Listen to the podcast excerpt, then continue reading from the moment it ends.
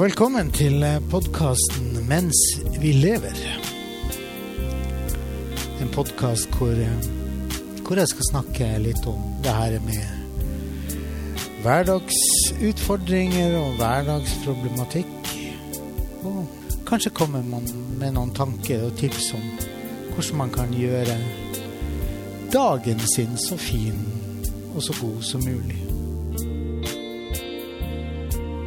Da håper jeg at dere får en fin opplevelse.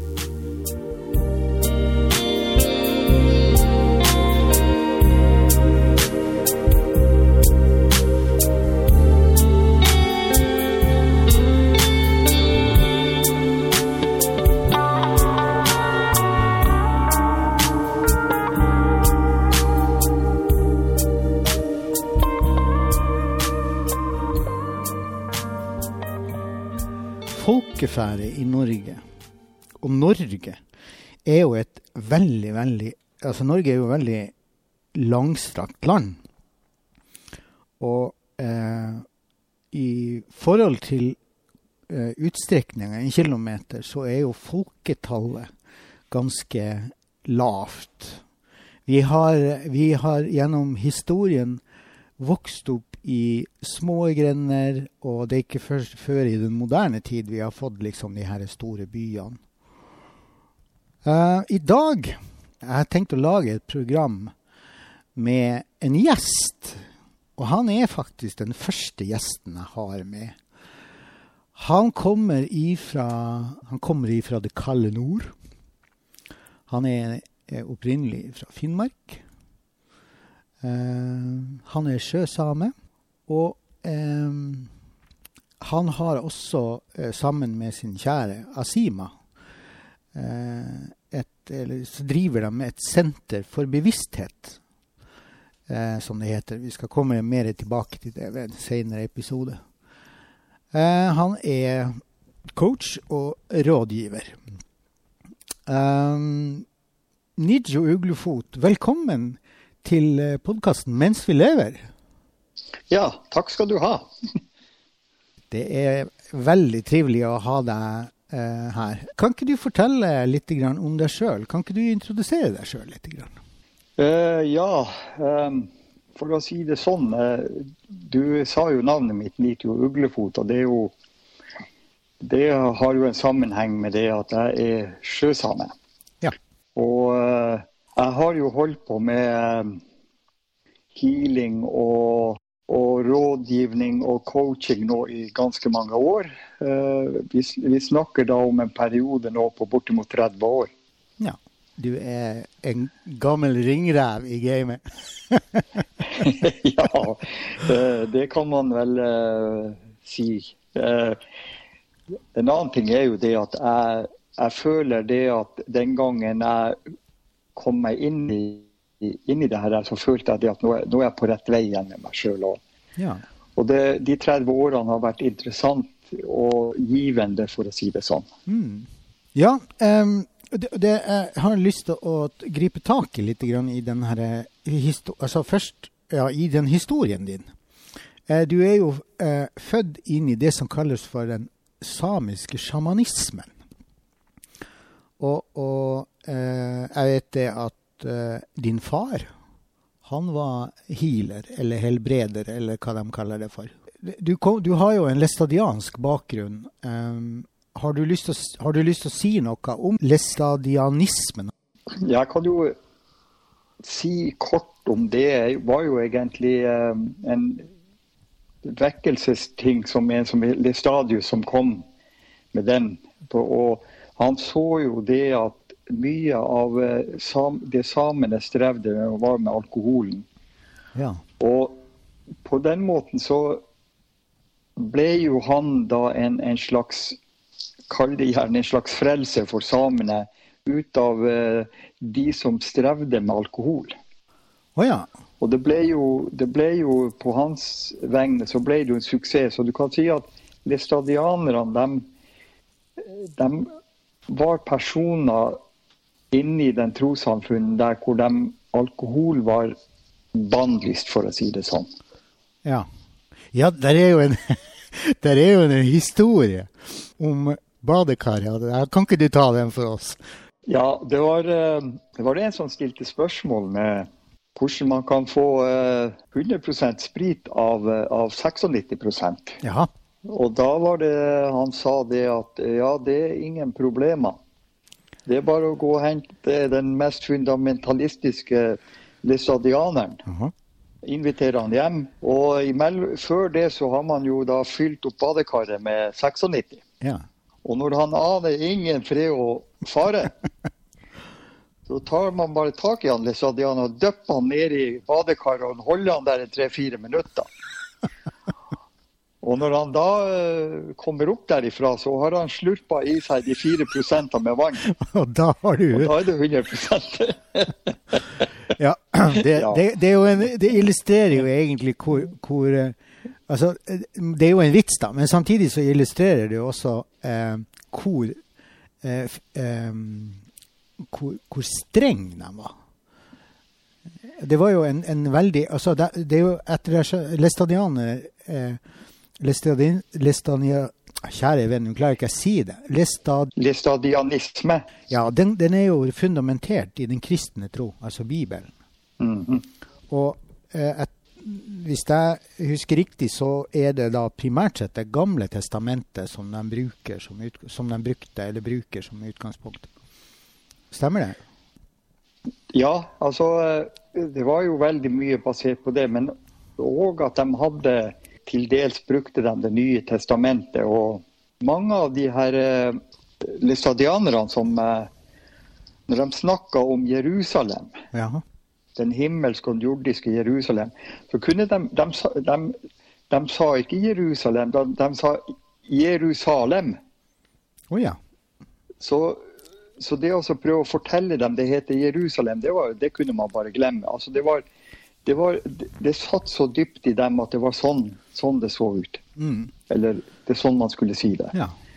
Så man kunne jo ha masse sånne humoristiske opplevelser med den måten Mm. de snakka, men de var jo, mange av dem eh, var jo rett og slett fantastiske folk uansett. ja. Så Men det, det som forundrer meg litt, og, og som er litt fascinerende eh, Nå skal vi avrunde den der læstadianistiske diskusjonen vår. ja. Men det som er fascinerende med det, at, det er det at eh, det med healere, eller det de kaller for helbredere, det var helt vanlig. Ja, altså Jeg skjønte jo ganske tidlig i livet med at det, det her ble jo gjort i det skjulte. Ja, OK. Det er ingen som ville framstå og si det helt direkte at de var helbredere, eller det vi kaller i dag for healere. Ja. Og, eh, og det var jo sånn jeg fikk en følelse av at det foregikk noe som var veldig interessant. Jeg var nysgjerrig på hva det var for noe. Mm. Så etter hvert så var jeg jo med faren min og så hva han holdt på med. Og de metodene han brukte var jo interessant i seg sjøl. ja.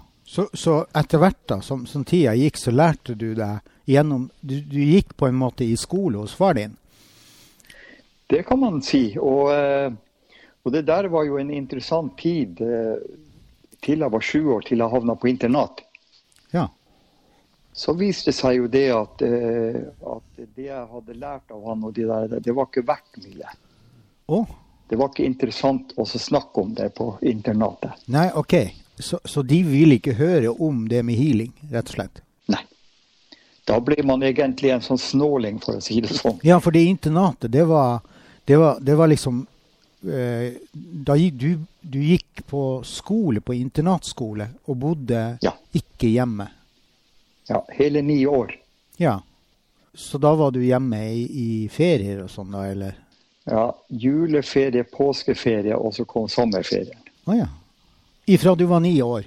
Fra syv år. Fra jeg var syv år. Fra du var syv år? Ja. Ni år på internatskole, altså. Det, det, det må jo ha vært eh, Husker du noe ifra den tiden?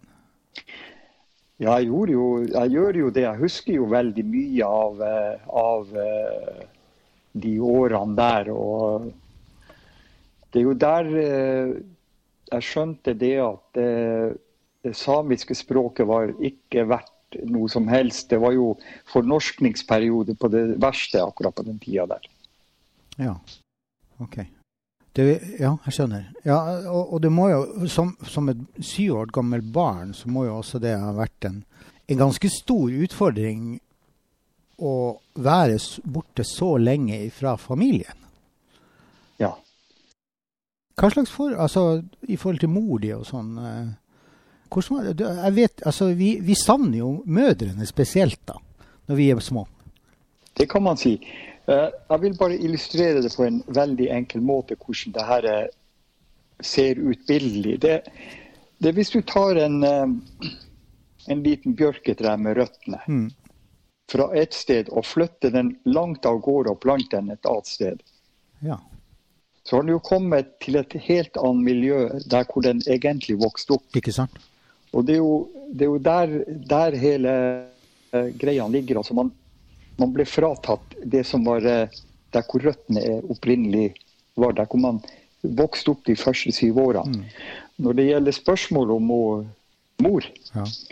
så var jo hun en, en personlighet som eh, tok vare på ikke bare det med, med, med huset og fjøs og sånn, men det at hun strikka. Alt mulig. Hun sydde klær til oss og alt sånt, og det, mye av det gikk jo i arv ja. fra den ene til den andre. Og, og uh, forholdet til henne hadde jeg jo en følelse at vi uh, Det var et nært forhold hvor mye av kommunikasjonen foregikk egentlig med at vi Hva det heter det, det der uh, Telepati. Ja, så du og mor di var sterkt knytta telepatisk sammen? Okay. Og hun, jeg husker mor Det her er også en artig greie. Mor når, Hvis vi slo oss, og det var veldig vondt, mm. så sa hun eh, bare 'kom hit'. Og så vet du hva, hva slags eh, regel hun brukte? Nei. Hun sa sånn med hodet fram og tilbake fra høyre til venstre, så sa hun 'Amen, Kari. Kristus Mari'. Nei. Så blåste hun på hver side. Oh, ja. Og det er ganske, Når jeg tenker tilbake på det der, der den måten hun gjorde det på, det var, det var som om noe skjedde da med, når man hadde slått seg, at det var ikke sånt lenger etterpå. Nei. Vet du, hva, vet du, hva, jeg tenker på når jeg hører den historien? Så tenker jeg det at eh, Brukte hun luftelementet til å blåse bort smertene? I ettertida så har jeg jo, eh, har jeg jo uh, gått inn i det der. Det, og jeg, ja. jeg har kommet fram til den konklusjonen du, du sier der. Ja. Og det, det, er jo veldig vanlig i sjamanismen at, eh, at, eh, de som driver på med sjamanistisk healing, at de blåser. Mm. Og det er mange ganger for å rense auraen og energifeltet man har rundt seg. Og mange bruker jo ørnefjær og sånn de driver på og vifter rundt omkring for å ja. ja, for jeg husker jo det når jeg var liten og jeg hadde slått meg, så kom jeg alltid springende til mamma. 'Jeg har så vondt i armen.' Ja. Så brukte hun alltid å si 'kom, skal jeg blåse'. Ja, der ser du. Og, og, det som er så spennende med akkurat det, det er det at um, det er mange som helt intuitivt bare 'kom, skal jeg blåse'. Altså, det, jeg vet at det er mange som praktiserte, i hvert fall før i tiden, praktiserte det her med at strøyk dem på håret og, liksom, og, og, ga dem kjærlighet, og så, og så kom skal jeg blåse på, så, så forsvinner onden Ja, det er jo eh, vi var, For noen dager siden så var vi på besøk hos eh, niesa vår. og ni, eh, Niesebarna, hun, hun yngste, hun sklei og slo seg. Ja. Hun begynte å gråte. Så gikk hun Asima bort og brukte det her Ammen Kari Kristus Mari. Oh, ja. Og så begynte hun å smile, hun lillingen. Se der. Ja, nei, vet du hva. Det er et ordtak som sier at det er mye mellom himmel og jord vi ikke forstår.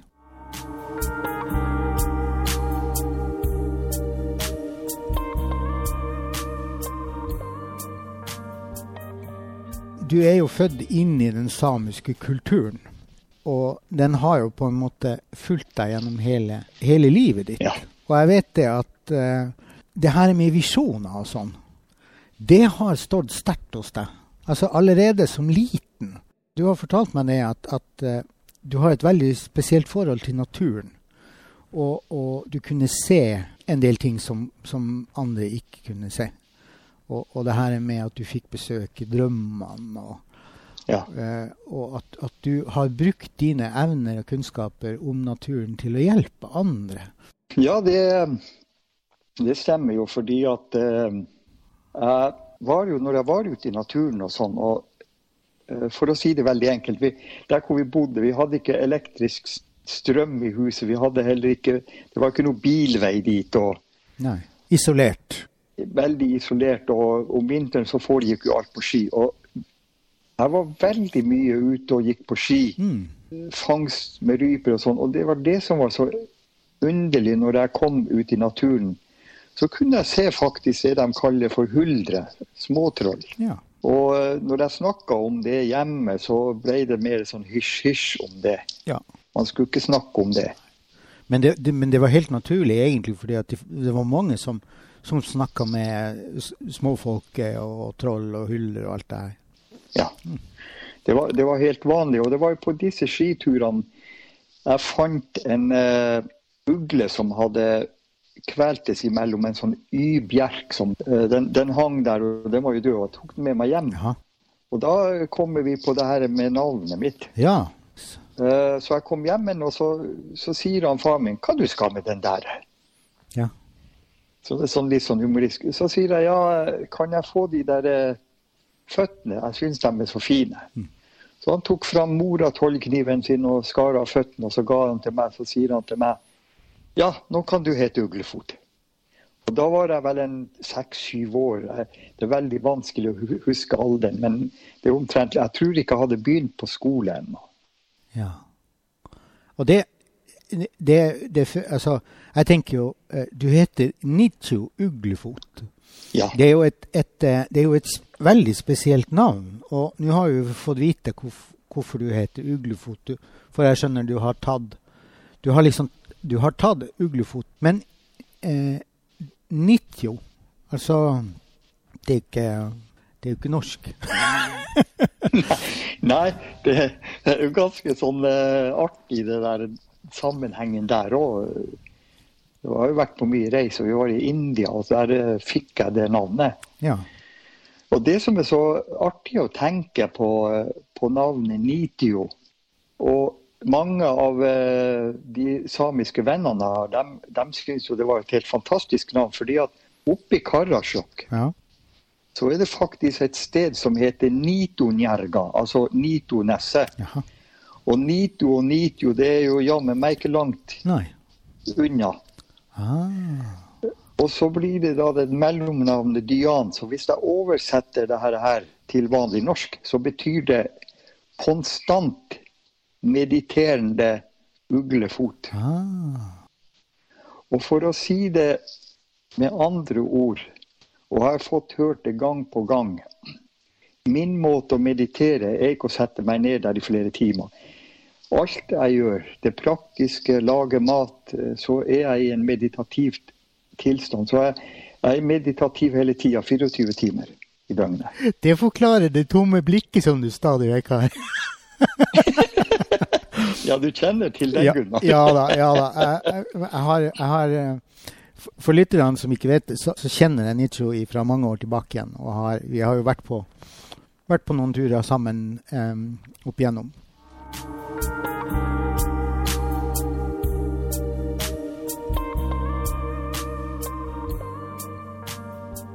Det skjedde noe spesielt med deg i, i det to, to perioder. Den ene var når du var 16 år. Da skjedde det noe med deg som satte dype spor hos deg. Ja. ja, den eh, der, der Da er vi inne på å se, å, å se visjoner mm. om framtida. Okay. Og det som var eh, Det var så kraftfull, den visjonen der. Det var sommeren 67. Ja. Jeg fylte 16 år. Og da jeg kom hjem til hjemplassen min, det var like før jeg fikk min første jobb. Men jeg kom hjem, og så uh, satt jeg ved, ved en elv der som renner rett forbi. Um, vi kalte kulpen for Skumma, for det var så mye skum der. Oh, ja. Og så satt jeg der, og, og det, det sveiva rundt den der skummen der. så, Det var nesten som å bli hypnotisert. Mm. Og så plutselig så, så er det som om det er en visjon som kommer, og en høy stemme som nærmest roper til meg. Hvis du blir i Finnmark, så kommer du til å gå under. Du, du, du, du kommer til å miste deg sjøl fullstendig. Og eh, mest sannsynlig så kommer du til å bli alkoholisert, og hele livet ditt blir ødelagt. Du må reise herifra. Ja, OK. Jeg ble ikke redd, jeg ble veldig forbausa. Ja, du blir sånn undrende. Ja, forundra over det her. Og det som skjedde da, det var at jeg gikk og tenkte på det der, der når, etter at jeg fikk sommerjobben på en av de første lokal, lokalbåtene der, eh, der oppe, så gikk jeg hele sommeren og tenkte på det. Og vet du hva? Uh, før jul i det samme året så dro jeg fra Finnmark Mm. i utenriksfart. Og etter det uh, meldte jeg flytting til Tjøme i Vestfold i 69. Å ja, så du flytta faktisk ifra Finnmark Ja. da i 69? Eller I 70? 69. Jeg dro i 67, men jeg meldte flytting til Tjøme i 69. Akkurat. Ja. Det er ganske interessant.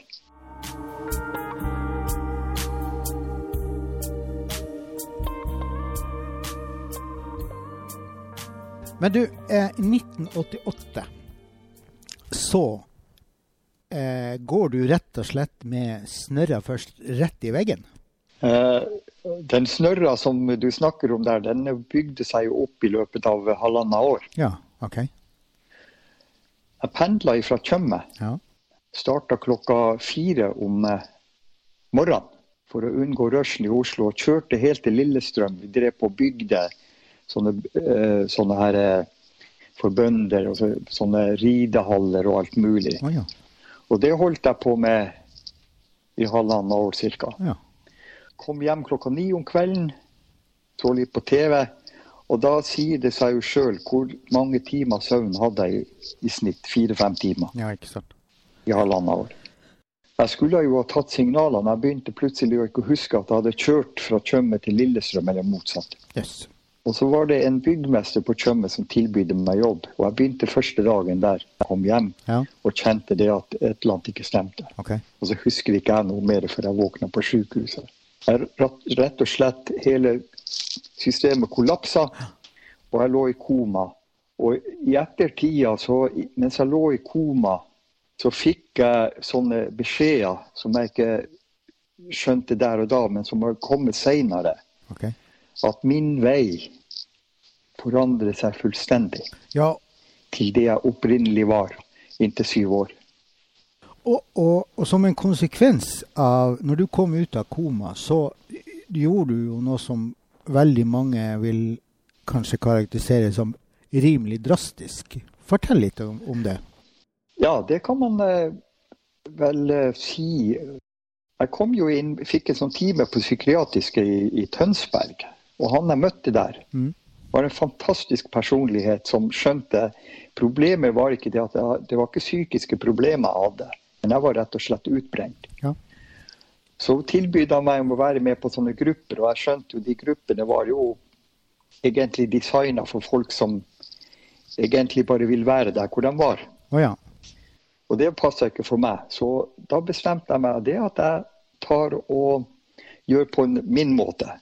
Så jeg begynte å være ute i naturen i løpet av en treårsperiode. Ja, du flytta ut i naturen, gjorde du det? Ja, jeg bodde jo ikke i tre år i, i ett. Jeg var jo, måtte jo gjøre sånne ting som var vanlig for alle andre med regninger og sånne ting. Men, eh, men hvis, du tar, eh, hvis du tar en måned, Mm. så gjennomsnittlig så hadde jeg halvannen til to uker av den måneden ute i naturen. Ja, du bodde da Laga du deg gamma eller hytta, eller hva, hva gjorde du? Du lå under åpen Under åpen himmel. året rundt? Ja, ja. Oh, ja. Og det artige, artige var jo det at jeg ringte til Ayungilak og lurte på om de hadde soveposer de kunne gi meg. For jeg hadde så dårlig råd. Ja. Og hun, hun som, eh, som jeg snakka med, Trude eller ei, hun hadde etternavn Fuglesang. Dere var nesten i samme fuglefamilie. Ja. Så sier jeg, forteller jeg hva det er, hvordan det er og sånn der. der. Mm. Og så sier hun det at Vet du det at jeg kan ikke hjelpe deg med akkurat sånn, men jeg kan hjelpe deg med én ting. Jaha. Og det at du kan eh, få en, eh, en sovepose som tåler 42 minus. Oh. Det er, sånn der, det er sånne små fabrikasjonsfeiler på det som vi, vi egentlig ikke Vi kaster det gjerne, men du kan få en sånn. Yes. Det var jo akkurat det du trengte. Ja, jeg ble jo så lykkelig vet du, at jeg visste ikke hva slags bein jeg skulle stå på. det. Du snakker om å gå back to basic. Det er Ja, det kan man trygt si. Det er virkelig back to basic. Det, det der med å, å leve på den måten du gjorde da eh, Jeg vil tro det at eh, de her eh, Du kom i god kontakt med moder jord, for å si det sånn, og elementene. Ja, jeg kan trekke en historie. En av de første gangene jeg begynte med det, eller første gangen jeg var, kom ut i naturen der. og Det som skjedde, var, var usedvanlig sterk opplevelse som jeg ikke har snakka med noen om. Oh. Som jeg skal ta med her nå. oi, så spennende. Og det var eh, Jeg husker det var eh, Det lå sne der. Det var sånn skara snø. Og jeg parkerte bilen, og så gikk jeg av gårde. Og du kan tenke deg, det er mørkt. Mm. Det er ikke noe sånn bebyggelse der som eh, at det er folk der. Det var hytter der, men det, det var bare sånn de brukte på sommeren. Men når jeg kommer der og begynner å vandre, så kan du tenke deg det av sånn granskog, tett granskog med Mm. vind som blåser i, i, i de trærne, den susen. Ja. Og at man oppdager hvor mørkeredd man er. ja takk, jeg kjenner til den. Mm. Og så bare da gå videre, og så kommer jeg til en sånn åpning. Og der står det en liten bjerketre Aha. som er en meter høy. sånn dvergbjørk. Som, jeg jeg syns den, den så så ensom Så jeg går bort der og tar rundt det der Holder rundt det der lille treet der. Og, Ja. og vet du hva som skjedde? Nei. Jeg begynte å storgråte og sier jeg vil tilbake der hvor jeg hører hjemme. Jaha. Og det var, den opplevelsen der jeg, jeg kjenner, jeg begynner nesten å gråte bare jeg kjenner på den der energien. At eh, det der lille treet, hvor kraftfullt det var som sto alene der. Ja. Altså, i denne treårsperioden din, så for, har du fortalt meg det at du kom virkelig i kontakt med evnene dine. Ja. Og da flytta du eh, nordover igjen, gjorde du ikke det? Ja. Uh, jeg vil bare ta med, Før jeg flytta nordover, så vil jeg bare ta det at uh, det er også en vanvittig artig historie. Uh, når jeg gikk av gårde på, på ski ute i naturen igjen, Ja. da fikk jeg den følelsen av ja, nå er min periode over med, med det her. Ja. Så jeg la meg til å sove under et tre, og det var jo relativt kaldt da. Det var jo en 15 kulde. Ja. Men utover natta så ble det kaldere, og så begynte det også sånn Du vet når det sner, det er sånne lett sne, det er nesten som dun. Ja, ja. Og jeg sovna nå der og hadde noen sinnssyke drømmer. og Da jeg våkna da kjente jøss, det var vanskelig å puste. Aha. Og den der Ayungila den hadde ikke sånn glidelås, man måtte tre seg inn fra toppen. Og så ser jeg bare en sånn liten tunnel opp, og så ser jeg lys oppi der. og ja vel, tenkte jeg, får vel komme meg ut av soveposen. Og det var vel en 40-50 cm med sånn dunsnø som hadde kommet i løpet av natta. Så jeg krabba ut av posen, og når jeg stikker hodet over sneen, ja. så er lyset bak hodet mitt. Ja. Og det er nesten som millioner av diamanter som, som blinker i sneen. Det er vakkert. Og, så, eh, og så kommer jeg ut der. Det helt fins ikke spor. Og i ettertida så har jeg tenkt Hva du tror hvis det hadde vært noen som hadde stått akkurat der og jeg kommer opp av sneen med hodet? Et syn for gudene. Og, og så, og så seinere så klarte jeg å koble det der. der. Vet du hva? Mm. Jeg ble jo født på ny når jeg gikk opp gjennom den der kanalen opp gjennom Ah. Det var faktisk en, en sånn derre eh, Deburting, for å si det sånn. Ja, ja. Ja. Du verden. Og det, var, det gikk ikke lange tida etterpå, så, så var, kommer vi til historia der med at jeg kjente det at jeg måtte flytte til Karasjok.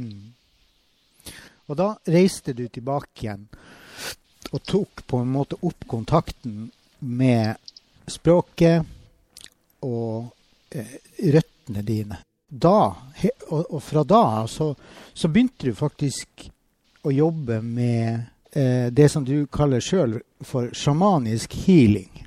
Ja. Og vi skal, vi skal komme tilbake til det. Eh, da begynte du også å ta i bruk de intuitive evnene dine. Ja. Men jeg har lyst til å gå liksom litt ut av denne bobla der vi er inne nå. Og så har jeg lyst til å ta den samiske kulturen og så gjøre en sammenligning med den norske kulturen. For altså, vi er jo altså, Uansett hvor du drar hen i Norge i dag, så møter du på mennesker med evner. Mm -hmm. Og eh, i dine øyne, er det forskjell på den samiske kulturen og den norske kulturen i forhold til det her med å bruke evnene sine? Hvis man tar utgangspunkt i det med healing, ja. Så er det jo på mange må måter utrolig mange likhetstrekk der, mm. uten å gå så mye inn i det. Ja. I det samiske miljøet hvor jeg vokste opp, så som jeg, som jeg sa det at faren min han brukte mange forskjellige healing-metoder. Mm uten å gå så mye mer inn i det. Så ser jeg det at det, det her med den måten som de dreper drev på Hila på, det er en viss forskjell der i forhold til generelt. Okay. Når man ser det. Men alt i alt, så lenge man har de evnene vi har jo, Alle har jo healing-evner, fordi at ellers hadde jo ikke sår grodd. Ikke sant. Ja. Så enkelt kan man si det, faktisk. Ja. Når det gjelder det samiske, så skal, jeg, kan jeg spole tre-fire år tilbake. Ja ja. Spol i vei. Ja. Det var ganske interessant. Jeg var med ei venninne oppe i Karasjok. Mm. Og så dro vi av gårde på tur med slede og rein. Ja. Og det var en eh, same som het eh, Jovna Per Jovna. Jon Persen. Mm. Og vi kom til lavvoen, og han stotra der på norsk og sånn. Og så tenkte jeg det at det hørtes ikke noe særlig ut når han stotrer på norsk, så det, det, var, det, det var helt feil. Mm. Og da begynte jeg å snakke litt sånn samisk Jaha. med han. Oh, ja. Og så forteller han det at han har, eh, har, han har så vondt i hofta. Jaha. Og der og da i lavvoen, da hadde jeg lært det her, her med å rette opp skeive hofter og litt sånn forskjell. Så jeg ba han seg legge seg ned i lavvoen der.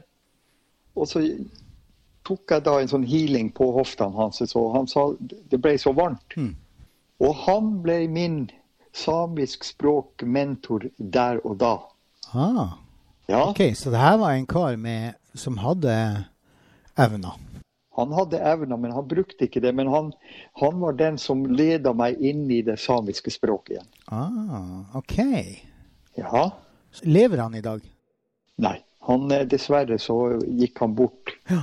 uh, for noen år tilbake. Men han var en helt fantastisk personlighet. Og han hadde en vanvittig humor. Alltid når vi møtte i Karasjok, det var som to gamle venner som møttes. Fantastisk. Så han ble, han ble altså din, din, din mentor Ja, som ja, mentor på, for å komme inn i det samiske språket igjen. Ja, i forhold til språket, ja. OK. Ja, Ja. nettopp. Ja, Men han, han, han hadde Jeg vet at han hadde sånne, sånne evner til å kunne heale også, men han, han brukte ikke det. Nei. Og hva som var grunnen til det, det vet jeg ikke. Nei, ikke sant. Det arbeidet som du gjør, har du lyst til å si noe om det? Ja, det jeg holder på jo med, det er jo for det meste så har det jo vært eh, de senere, Den senere tida så har det jo vært mye coaching. Jaha. Fortelle til de som spør hvordan de kan tilrettelegge, ikke bare i business, men eh, i det private, hvordan de skal tilrettelegge for at de får eh, livet sitt på, på, på track, for å si det, Mm. Bruke det ordet. Mhm. Jeg holder på jo også da med, med healing og fjernhealing og, og vanlig rådgivning. Ja. Hvor jeg også da bruker eh, numerologi. Ja. Hvor jeg leser ut ifra fødselsdatoen hva som ligger der. Men det, det går jo veldig mye også da på at jeg bruker intuisjonen Mm. sammen med det jeg ser. Mm. Hvis du klarer kort å fortelle litt grann om numerologi.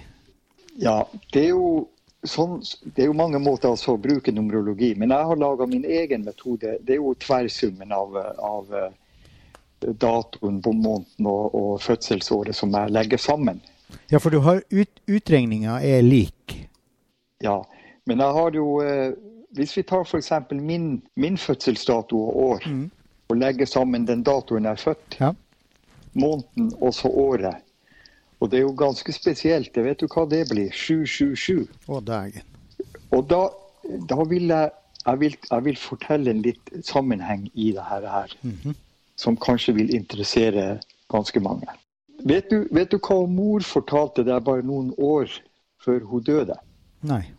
Hun fortalte det at noen dager før jeg ble født, Mm. og da levde ikke lenger min, eh, min eh, morfar. Men hun, han kom i, i drømmen til henne, og så hun, sa han det at du kommer til å føde en sønn Mm. som har noe guddommelig over seg. Oi. Jaha. Det er store ord. Det var store ord. Og så har jeg jo sett på de her tingene. 777 i Bibelen er det guddommelige. Jaha. Det som er interessant i det her, når det gjelder alle de her søsknene mine, alle sammen fikk to navn. Ja. Jeg fikk tre. Jaha. Og i den bibelske sammenhengen igjen der, alltid ble det understreka med tre ganger f.eks. hellig, hellig, hellig. Okay. Ikke fordi at jeg ikke noe der med at jeg, jeg bruker Bibelen eller religiøse ting sånn sett. Nei. Men jeg har en veldig respekt for det min, min mor sa om det der. der. Ja, det skjønner jeg jo. Og det er jo ganske interessant, de tingene der uansett. Ja, For meg i hvert fall. absolutt. Det skjønner jeg godt. Så egentlig så egentlig skal jeg begynne å kalle deg for Messias, da. Nei, da, jeg bare tøyser med det. Nei da. Nei da, men den, hvis, du, hvis du ser det guddommelige, så, så hvis man går mer inn i det guddommelige, så er det jo ikke guddommelig i seg sjøl, men det er den der guddommelige evnen man har inni seg som, eh, som eh, Den er jo ikke i nærheten av verken Jesus eller Gud, men det er den man har Ja. inni seg som man bruker. Jeg skjønner. Ja. En av de tingene som jeg syns er veldig fascinerende med deg, eh, det er din ydmykhet. Altså, du har en ekstrem ydmykhet i forhold til det du gjør. Og, og eh, det syns jeg er så flott, og du er virkelig et forbilde for mange i, for, i forhold til det. Det vet jeg.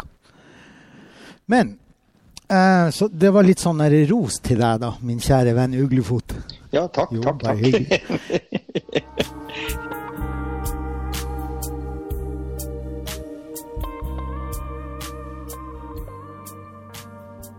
Jeg har lyst til å ta for meg noe som eh, jeg tror kanskje mange er litt nysgjerrig på. Joik. Hva er egentlig det? Hvordan bruker man joik? Ja, joik er jo De fleste vet jo joik er jo Det er jo alt mulig fra tekno-joik til vanlig joik og til intuitiv joik. Ja. Og jeg kaller det for intuitiv joik fordi at når jeg tar en joik, så fanger jeg f.eks. hvis det er bryllup, hvis det f.eks. er barnedåp Mm. eller konfirmasjon eller hva det måtte være, så plukker jeg opp stevninga i rommet, hva som foregår der. Der og da. Og joik, er intuitivt på hva, hva som, som, som jeg kjenner i hjertet mitt. Oh, ja. Og det er mange som jeg har spurt meg om, jeg- om jeg kan joike det, det jeg joiker. Nei, så sier jeg det er helt umulig for meg. fordi at joiken jeg joiker der og da, det er sånn stevningen er akkurat. Sånn som jeg har skjønt historikken rundt joik, den har ikke noe begynnelse eller slutt. Så man joiker rundt en person. Mm.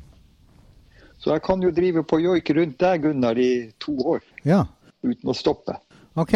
Det tar jo aldri slutt. Nei, jeg skjønner. Eh, det, det hadde jo vært eh, Jeg skal ikke be deg om å joike, eh, men, men jeg har jo hørt det. Og du har jo faktisk joika til meg en gang, hvis du husker det. Og, Ja. og det var en utrolig spesiell opplevelse. Så, så, og og den, det forsto jeg, det var en sånn intuitiv joik som kom akkurat der og da. Var det når vi var på tur opp i Finnmark og helt til Hamlingberg? Det var når vi var Jeg tror faktisk enten om det var ved Simaskaret eller om det var et eller annet sted. Det var på den turen vi var i Finnmark. Ja, ja, det var noe humoristisk. Vi var jo inne i den der fjellkatedralen i Simaskaret, og Yes. tok du opp på all den byggen som.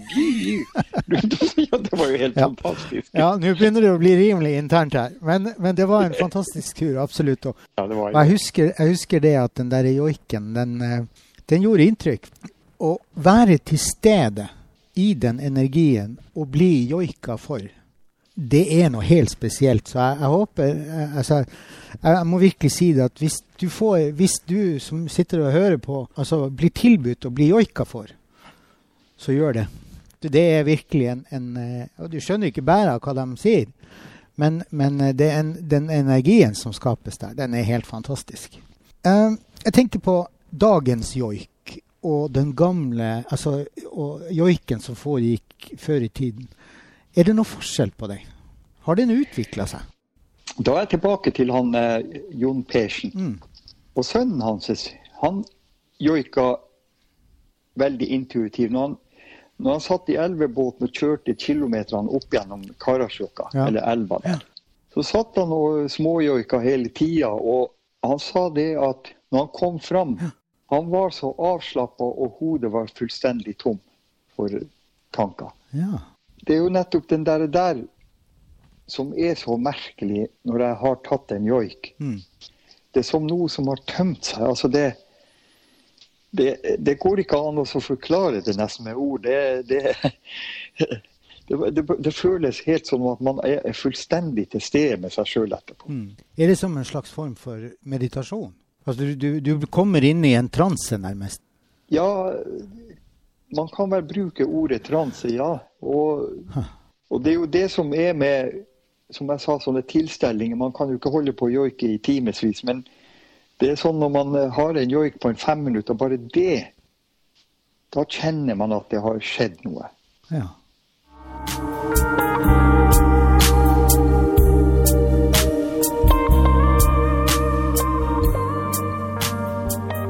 Har du lyst til å si noe om de evnene, evnene du har fra naturen? Det er jo, det er jo sånn at eh, jeg bruker jo veldig mye kraftdyret mitt, elg. Elgen. Oh, ja. Den står egentlig for eh, Hvis du Jeg tar veldig kort elgens måte å være på. Ja. Når du ser elgen springer mm. Den har en fjerde beve bevegelse. Og når du ser det svære dyret på en 500-600 kilo, mm så er det som, det, som om den flyr lavt. Ja, Den flyter gjennom skogen. Ja, så, og så har den jo beina godt planta ned på bakken. Mm.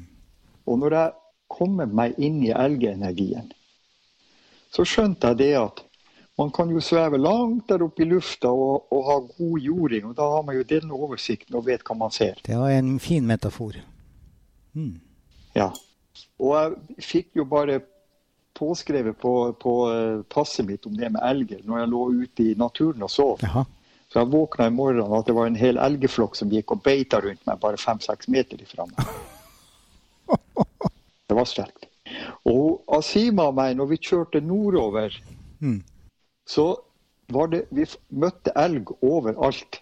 Til og med i sentrum av Harstad. Yes. Ja, det er, ikke, det er vel ikke for ofte man møter elgen der? Nei, altså vi fortalte det de vennene vi besøkte, de syntes jo det hørtes artig ut.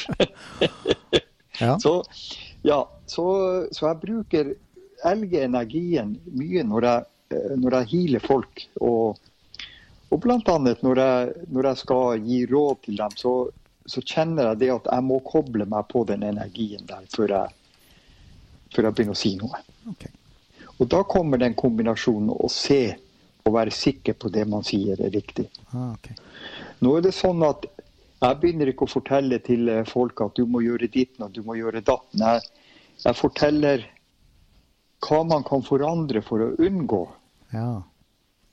et problem. Og for å ta et veldig enkelt bilde. Når du er ute på sjøen med båten og du ser et skjær foran, mm. altså en som stikker opp av sjøen, det er en svær stein. Ja. Man kjører jo ikke rett på det steinen, man tar og justerer kurset så man kommer utenom det. Selvfølgelig.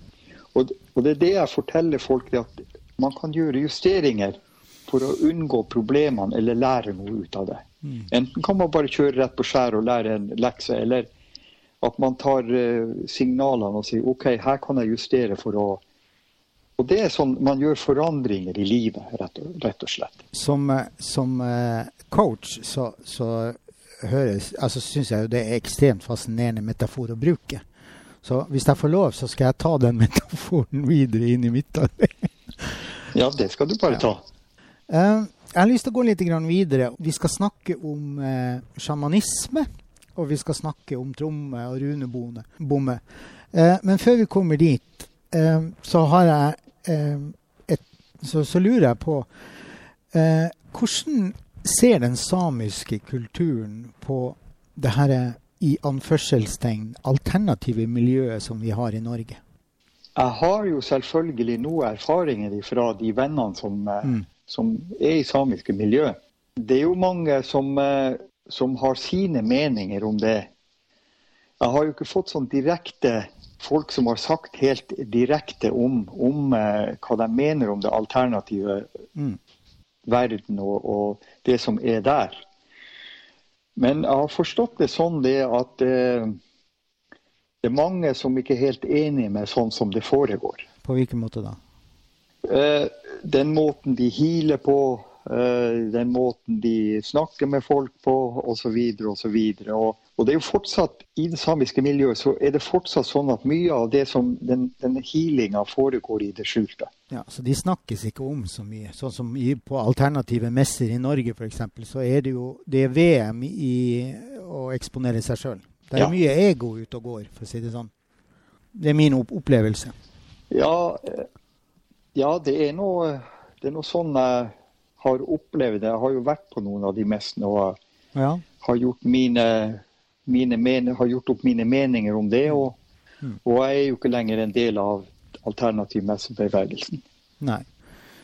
Så, så, det du sier, det er at i den samiske kulturen så bare gjør dere. Ja. Uten å snakke så veldig mye. Mens i det alternative miljøet så er det mer Altså, man, man, skal ikke, man, skal ikke, snakke ned det folk gjør.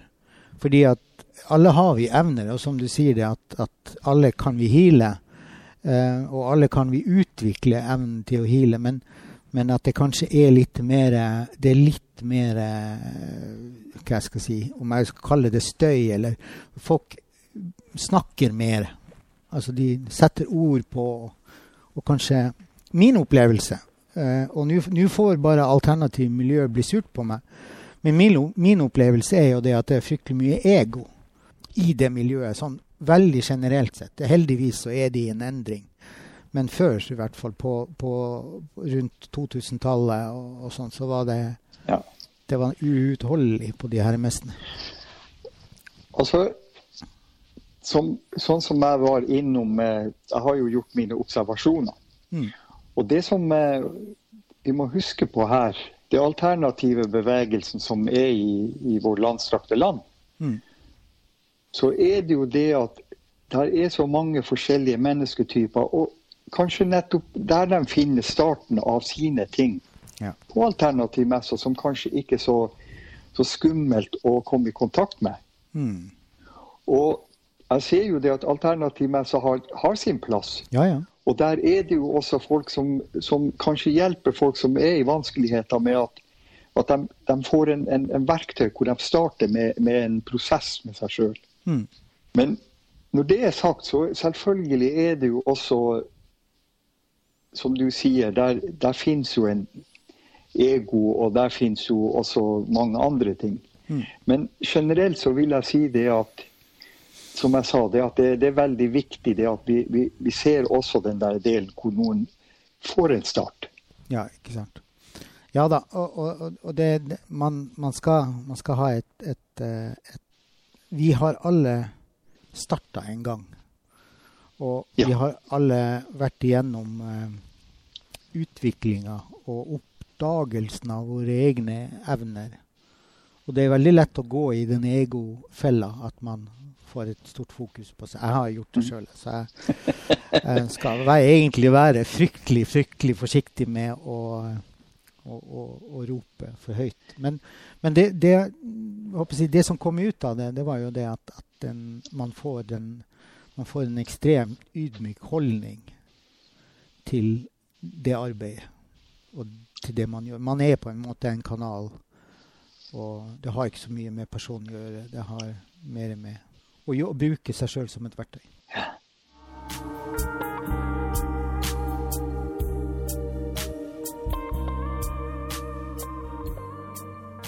Da skal vi gå over til sjamanisme. Nijo Uglefot, sjamanisme. Har du lyst å si litt om hva det er for noe? For meg, mm. sjamanismen, sånn som jeg ser det, det er jo basert veldig mye på Man bruker naturen ja.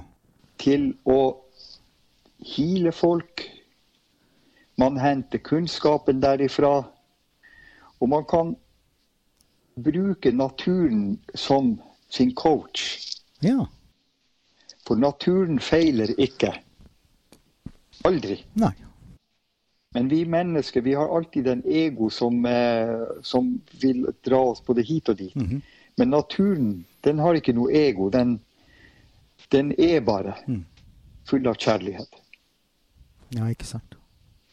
Og det er sånn jeg opplever da sjamanismen som For meg er sjamanismen naturen. Jeg forstår. Ja.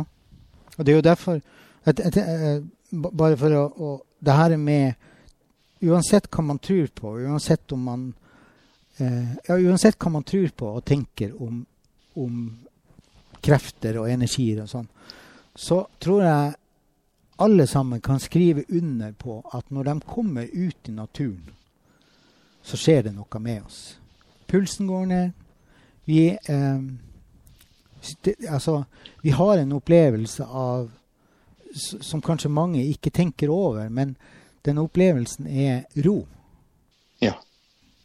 Så speiler den kun kjærlighet. Men når man ser et menneske Et menneske har et eller annet ballast med seg. Mm. Og da, da, merker man med en gang det at man kan bli urolig. Man fanger opp at det er et eller annet som ikke er. Eller at man rett og slett møter seg sjøl i den personen. Ja. At, speil, at den speiler seg Den speiler deg. Ja. ja. Så når, vi, når jeg ser sjamanismen i, i, i eh, det store, ja. så, eh, så, er den, den er overalt. Det, I hvilken som helst kultur så finner man det. Ja. Det som er, Ritualene kan være litt forskjellige fra kultur til kultur. Ja, ikke sant. Uten at jeg har satt meg så mye inn i det, men jeg har skjønt det med, med det jeg har lest. Ja. Ja, eh, tenk på liksom sånn eh, Du har inuittene, du har indianerne, du har samene, du har Ja. ja. De, de, er alle Altså, felles for dem er, alle er det at de er veldig knytta til naturen. Ja. ja okay. Uh, Nå har jo du for så vidt uh, eh, snakka mye om, om en sjaman. Hva er en sjaman? For oss å bruke vanlig norsk. Ja. Jeg kaller da en sjaman for uh, stammens psykolog. Oh, ja. Ja. Stammens helbreder. Stammens rådgiver. Ja. Medisinmann eller medisinkvinne. Ja. Før i tida, i gam gammeldags, så var jo han som var sjaman, eller hun som var sjaman i, i stammen, ja. brukte veldig mye av tida ute i naturen for seg sjøl. Ja. Og mana fram ånder og gikk i åndeverdenen og osv. Så, videre, og så, videre. så det var historikken rundt det der eh, er jo interessant i seg sjøl. Mm. Du er jo etter hvert så er jo du blitt ganske kjent i det her eh, miljøet i Norge. Og det er mange som eh, kaller deg for sjaman. Um, hadde dere sett trynet på han? Så eh, ja, eh, hva tenker du om det? Er du sjaman? Det er ganske artig, det der, der fordi at uh, Folk kommer og sier til meg ja, du som er sjaman. Og så, så ser, jeg, ser som et sånt spørsmålstegn. Er jeg det? Hvor har du det ifra at jeg er sjaman? Ja. Det, det, det, var jeg ikke klar over. Mm -hmm. Ja, er du ikke sjaman? Og så svarer jeg det at det er så uinteressant hva jeg er. Fordi at jeg er ikke så opptatt av titler. Det som er interessant for meg, mm. at det jeg har lært om sjamanistisk healing, at jeg bruker det. Den dagen jeg forlater denne kloden, da vet jeg hva jeg har vært. Og det er det som er interessant. Så det du sier, er egentlig det at eh, man vet ikke med sikkerhet om man er sjaman før man dør. Det er, noe, det er noe sånn jeg oppfatter det, men hvordan andre oppfatter det, det kan jeg ikke uttale meg om. Nei, skjønner. Men det er nå i hvert fall sånn at, eh, at eh, jeg har stilt spørsmål til de som hevder at de er sjaman. Ja. Så jeg har spurt dem da Det det spørsmålet jeg har alltid lurt på. Ja. Så kan du, du som er sjaman, du kan sikkert svare meg i og med at du sier at du er sjaman. Ja, ja. Hvordan vet du at du er sjaman? Ja. Hva er det som, som sier det at du er sjaman? Mm. Det er helt utrolig interessante svar jeg har fått. Ja for de, klar, de gir deg ikke konkrete svar. Uh, nei. Og, eh, og det, der er vi tilbake igjen. OK, de er sikkert plassert der for å ha en oppgave. Ja. Uh, om de er det ene eller det andre, det er ganske uinteressant. Ja. Men uh, det som er mer interessant, det er um, som jeg drar på smilebånda når jeg hører det er noen som har vært på sånn eh, sjamankurs en helg eller to, og da går ut og forteller dem er sjaman. ja. Så da må jeg nesten dra på smilebånd og, og så lage en sånn der liten munter greie rundt det. Å ja, vi snakker da om Rema 1000-sjamaner. ja. Så om de er det eller ikke, det kan jeg ikke uttale meg, men det virker jo litt rart når jeg vet det at en som er virkelig sjaman, begynner hos en sjaman-læremester allerede fra de begynner å gå, eller før det òg. Og er sammen med, med han i flere år, både ute i naturen og sånn, og lærer alt om naturen, dyra, kraftdyra osv. Og, og reiser i åndeverdenen. Og eh, det er det jeg snakker om, at da da snakker vi om en som er en virkelig sjaman. Hmm. Interessant. Ja, nei, jeg, jeg, jeg kjøper den. Eh, jeg kjøper den. Jeg, det, det gir veldig gjenklang. Jeg hadde egentlig tenkt jeg skulle spørre deg om hvilke tanker du har rundt selvutnevnte sjamaner, men, men du har egentlig svart på det allerede. Um, Ja, bare for å så adde litt. Det som jeg, jeg sier, det er at de er sikkert der for at kanskje noen skal oppdage noe eller begynne på en prosess. mm, Det er alltid en link, uansett hva det er for noe. Ja. Så det er alltid en link til en eller annen som starter en prosess. Det må vi aldri glemme. Mm. Men eh, alt i alt så er det jo sånn at man, mange som holder på med Man kan jo dra på smilebåndet, fordi det virker jo litt sånn, eh, sånn eh, komisk mye av det, men uten at man skal dømme noe. Men det, det er som jeg sier, vi er tilbake til det at de er der for at de kanskje skal koble den ene på et eller annet for å komme i gang. så, så, eh, og, og, så det du egentlig sier, det er at uansett hva tittel man eventuelt har på seg sjøl, så er det der er en plass for alle. Ja, så, eh, sånn ser nå jeg det. Og en annen ting er jo det at, eh, at når man ser det sånn, da har man det jo så mye bedre med seg sjøl. Tenk deg hvor enkelt det hadde ikke blitt krig i verden Nei. hvis man mining my own business, for å si det sånn. Ja, ja misunnelse, det er grusomme saker. Altså man, man observerer det som foregår, og eh, gjør det man sjøl holder på med. Ja. Og ikke sammenligne seg verken med den ene eller den andre. Ja. Den dagen man får beskjed om at oi, sånn og sånn og sånn, og å ja, OK, Mm. takk for det.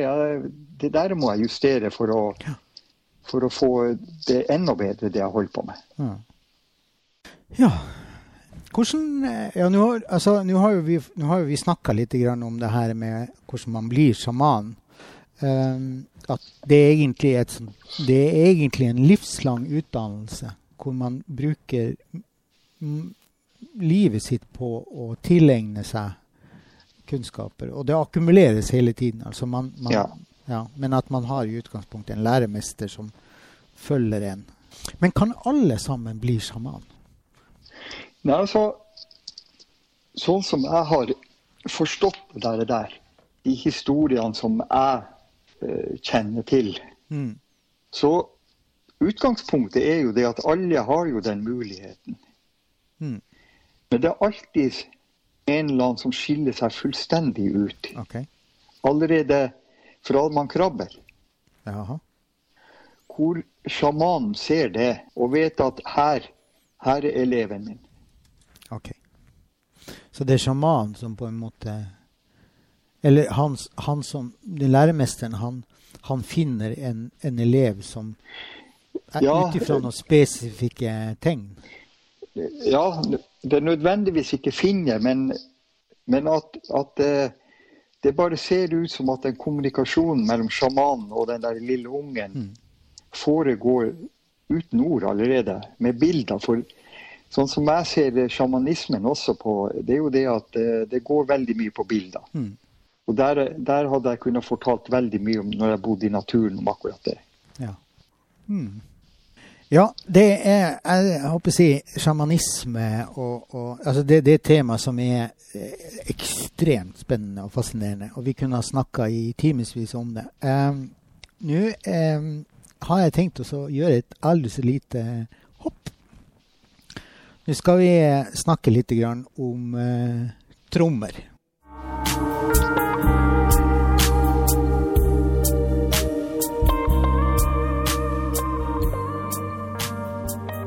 Trommer, eh, Nicho. Eller runebom, eller sånn. Eh, bruker du det? Ja, og eh, det er jo ikke en sånn ekte runebom, men den ligner på en runebom. Det er satt og spikka ute i naturen da jeg bodde der. Er det den der lille med alle de tingene på? Eh, ja. Og det som skjedde, var jo det at jeg gikk og lette etter et evne, og så var det, var det sånn furu som var kappa ned. Mm. Så de kappa opp i sånne kubber som var, eh, som var en 20 cm i, i høyda. Ja. Og det artige var jo det at den nederste delen av treet, der hadde mauren spist veldig mye av. Og jeg hadde en morakniv og en hoggjern. Så jeg hogde ut alt det som var inni der, så det ble en tjukkelse på en skall Mm. På ca. 12 millimeter. Ja. Men jeg mangla, jeg mangla reinskinn. ja. Det hadde jeg ikke med meg. Nei. Så eh, det gikk jo noen dager der, og jeg spekulerte noe på det her. og Mm. Og oppe ved det vannet der i Vestfold hvor jeg holdt til, der var det drev folk mye med isfisk om vinteren. OK.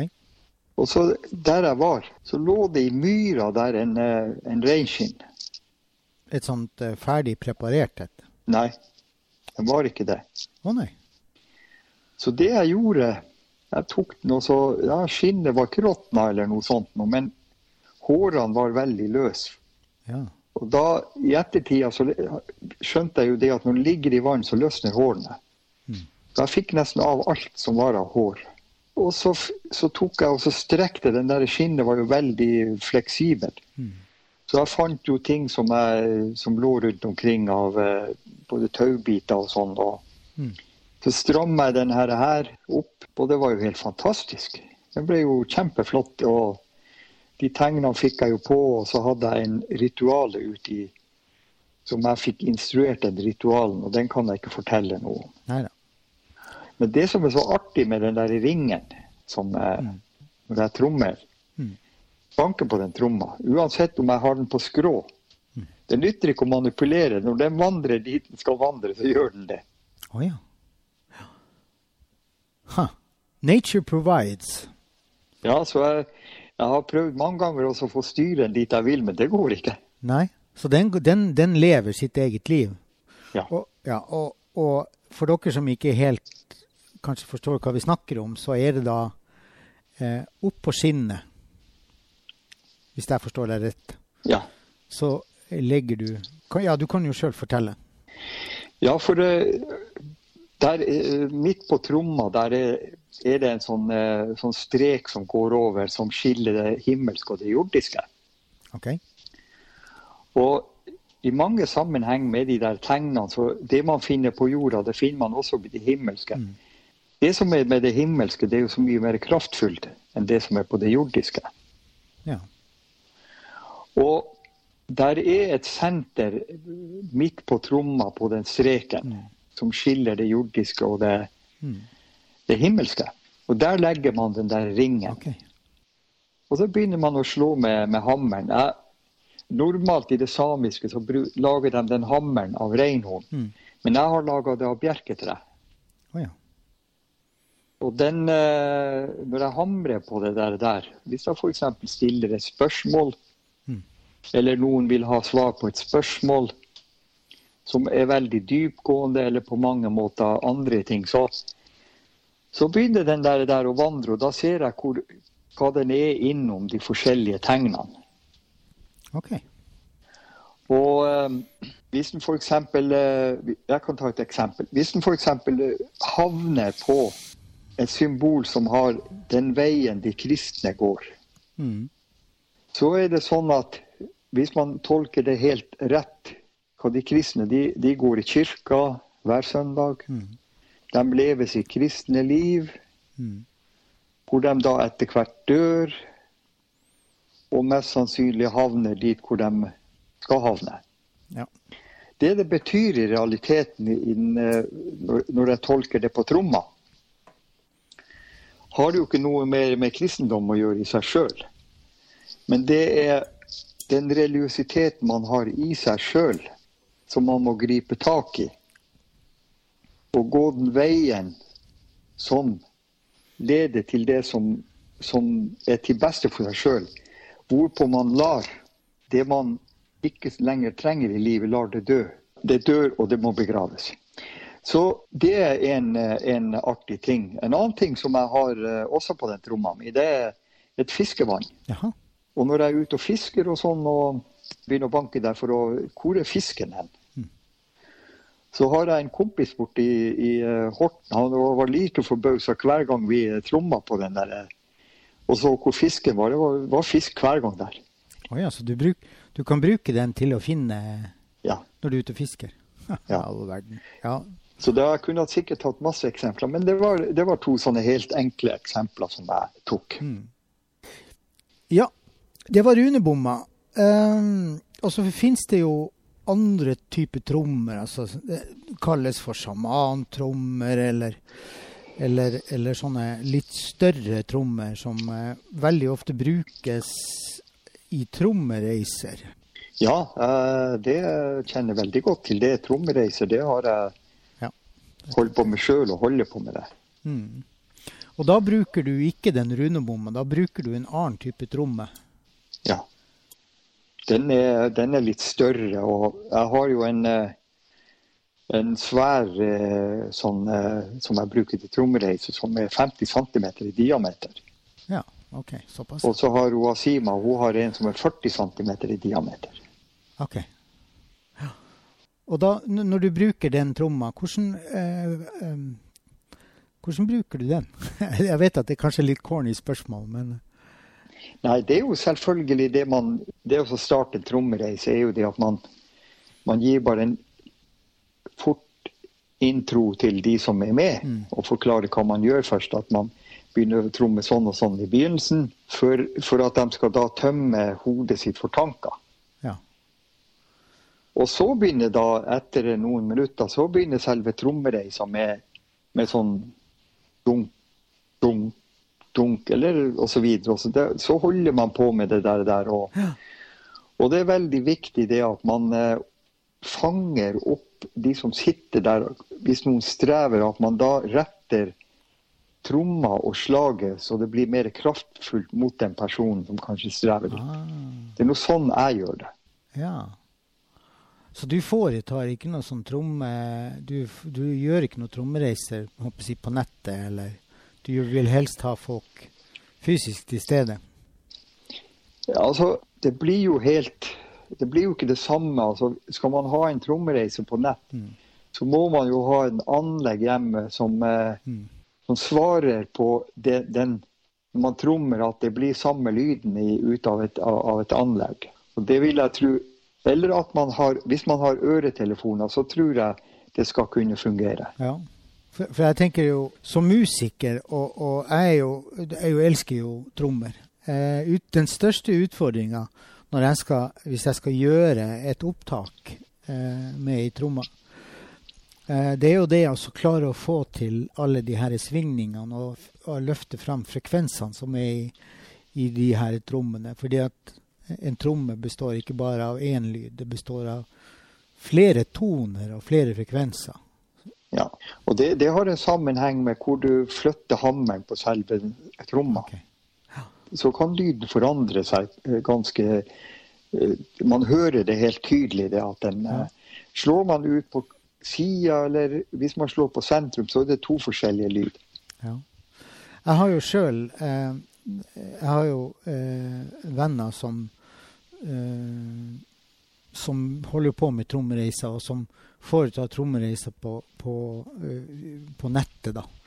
Og uh, det er jo ekstremt effektfullt, uh, det de gjør.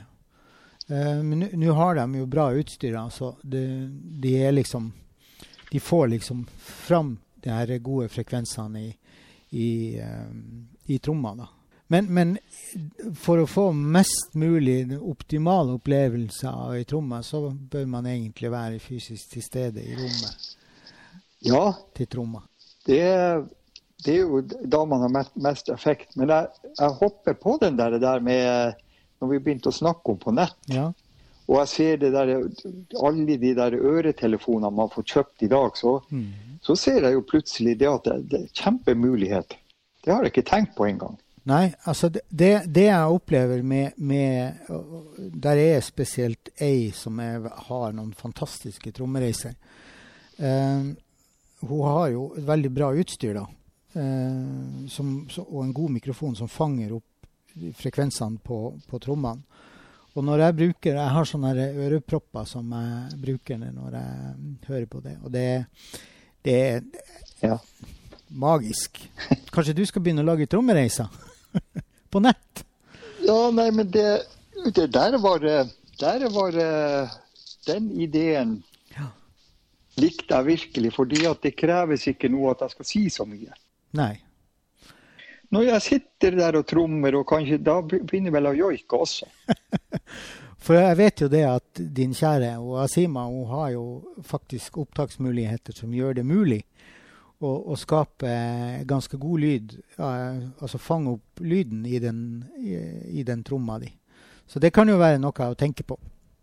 Ja, så jeg, jeg tenkte jo også på det at eh, man kan jo ta det på direkten nå. Live. Ja da. Eh, Nå kommer jeg med en, en liten utfordring til deg. um, er du villig til å stille opp på en liten trommereise på direkten her inne på podkasten min? Jeg kunne ha gjort det. Problemet er jo det at ligger, trommene ligger på hytta. Vi glemte å ta dem med oss. Å, oh, OK. Ja, jeg skjønner. Ja, Men det, det, går jo an å De blir jo ikke liggende på hytta i evig tid, så det kan hende det at vi kan, vi kan, komme tilbake til det. Ja. Men nå skal vi snart eh, avslutte her, for nå har vi snakka oss helt bort, nærmest. Eh, når det gjelder indianerne og samene, så bruker de jo begge trommer. Er det, bruker de det på samme måte? Jeg har egentlig ikke satt så mye inn i det, egentlig, sånn sett. Men det jeg har sett eh, Bl.a. her om dagen så så jeg en sånn indianere, kvinner, som dansa. Jaha. Og de, de, slår jo på de trommene, og så har de jo det der ja, ja. ja. for det har ikke dere? Nei. Det, Nei. Jeg har ennå ikke hørt samer som holder på. Det er mulig at det er noen som holder på, men det, det kan jeg ikke si med sikkerhet. Nei. Men okay. om det er noe likhetstrekk der, ja, det er det. Tromma i hvert fall lik.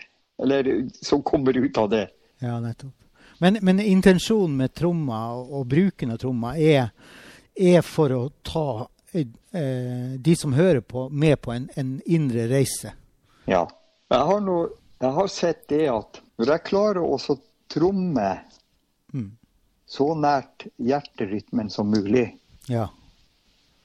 Det er da jeg kjenner virkninga, altså. Ja, det kan jeg tenke meg. Det er, det er utrolig, utrolig, spennende med trommer. Men vet du hva, Nijo? Nå er vi kommet til veis ende. Ja. Eh, det, her har, det, her har, vært utrolig spennende å høre. Jeg setter umåtelig stor pris på. Tusen takk for at du ville stille opp. Ja.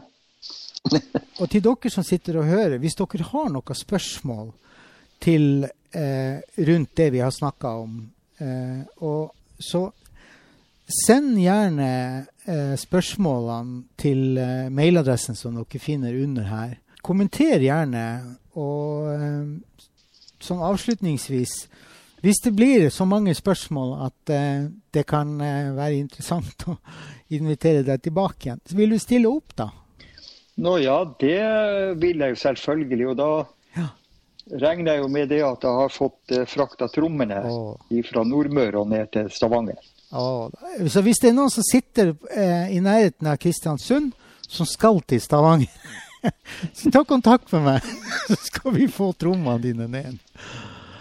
Og med det så vil jeg eh, takke deg igjen, eh, Nietzsche Uglefot, for din tid i lag med meg. Ja. Eh, og til dere som sitter der ute, så eh, ønsker jeg dere en fantastisk dag, en god dag, eller en så god som mulig dag hvor enn du måtte befinne deg. Masse lys og kjærlighet ifra oss ja. her til deg. Ha en fin dag. Ja.